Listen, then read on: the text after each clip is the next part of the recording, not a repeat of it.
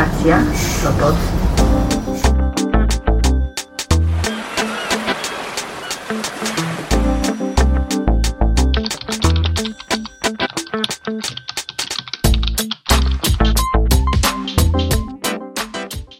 Dzień dobry, dobry wieczór. Przed mikrofonem nad Polskim Morzem w ostatnią sobotę stycznia wszystkich swoich słuchaczy wita Piotr Wiktor, redaktor blogu Nowe Litery i podcastu Nad Morze.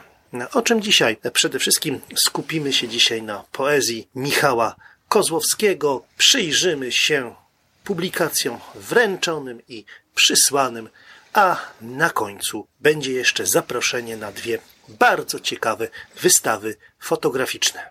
Zatem startujemy!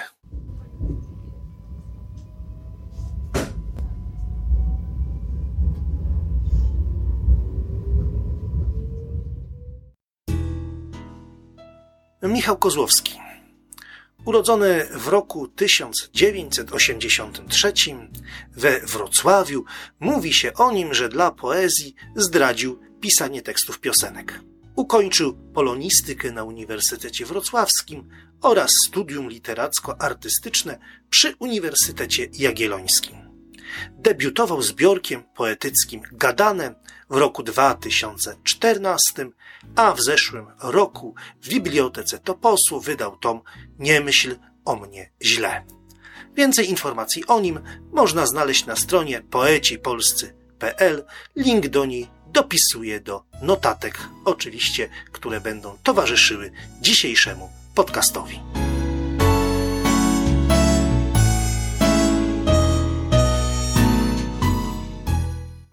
Źle myśleć o lirycznym ja wierszy Michała Kozłowskiego niepodobna. Choć z początku można się zastanawiać, czy ich poetycka persona jest normalsem, udającym dla emocjonalnej higieny ekscentryka, czy ekscentrykiem względnie outsiderem, doskonale udającym normalsa. W każdym razie nie mamy oporów, by podejść doń blisko i spojrzeć w jego życie, do którego uchyla nam drzwi. Pozwala nam poeta asystować swoim rozterkom, refleksjom, rzadziej porażką i wybrykom. Na kartach zbioru Kozłowskiego przewagę zyskał czas teraźniejszy. Kiedy jak w wierszu Szczęśliwe dzieciństwo poeta powraca do przeszłości, dzieje się to zawsze w kontekście jakiegoś aktualnego wydarzenia, e, całkiem aktualnego zresztą.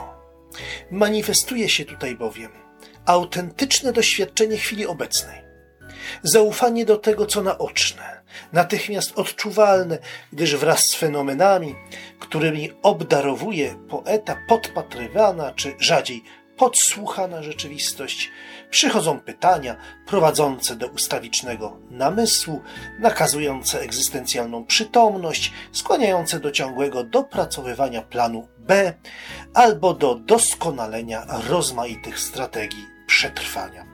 Bywam czasem, że ta strategia jest bardzo prosta.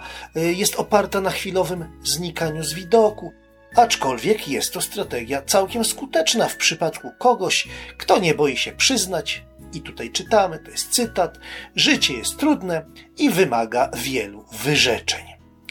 Z dobrodziejstwem inwentarza przyjmuje poeta fakt, że budzi ono obawę, a świadomość tego, jak sugeruje zakończenie wiersza z partynickim hipodromem w tle, e, uważa za cechę ludzi mądrych. E, podmiot opowiada o czynnościach powszednich, o zajęciach wzbudzających poczucie dyskomfortu. Ze swoim położeniem chyba się już jednak pogodził, a przynajmniej oswoił.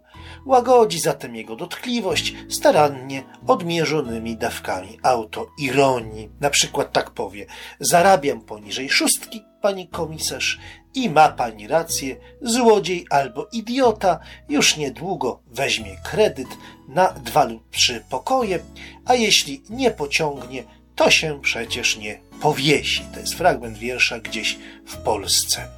Kozłowski bardzo chętnie odświeża znane tropy retoryczne, zręcznie rozgrywa wieloznaczności.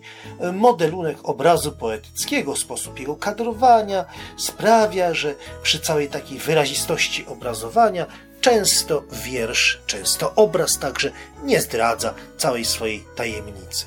Ale Co ma tu zapytywać, zapytuje, a co ma zaciekawiać, zaciekawia. Również na przełomie Starego i Nowego Roku autorzy oraz przyjaciele autorów, jako i wydawcy, nie zapominali o mnie i tak w ostatnich tygodniach w swojej poczcie poetyckiej znalazłem. Tomik Anny Augustyniak, dzięki Bogu, tomik ten wydało wydawnictwo Wojewódzkiej Biblioteki Publicznej i Centrum Animacji Kultury w Poznaniu. Oczywiście jeszcze w zeszłym roku. Piotr Burczyk, zbiór poezji z ukrycia, wydany przez Stowarzyszenie Pisarzy Polskich, oddział w Olsztynie, tom ten przesłał mi znakomity gdański poeta Piotr Cielesz, dzięki Piotrze, zbiór Marcina Królikowskiego, opowieść dwunastopiętrowa, grozy poetyckie, wydawnictwo Anagram, Warszawa 2017, ten zbiorek podążał przez leśniczówkę Pranie, przysłał mi go Wojciech Kas. Bogumiła Salmonowicz, to już prezent od autorki. I jej nowy tom, Femoglobina. Wydawca? Stowarzyszenie Alternatywni z Elbląga. I do tego wypada wymienić trzy numery kwartalnika poznańskiego oddziału Związku Literatów Polskich, Krajobrazy Kultury. Zatem, jak widzicie, w ciągu nadchodzących tygodni będzie o czym pisać, będzie o czym mówić. Wszystkim autorom, wszystkim wydawcom, wszystkim darczyńcom serdecznie dziękuję i obiecuję wnikliwą lekturę ich publikacji.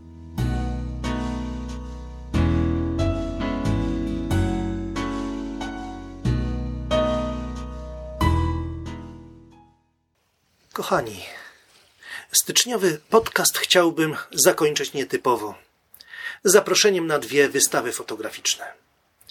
Gdybyście w najbliższym czasie trafili do Sopotu, proponowałbym skierować kroki do Państwowej Galerii Sztuki, w której holu 31 swoich aktów eksponuje jeden z najciekawszych współczesnych fotografików, Wacław Wantuch.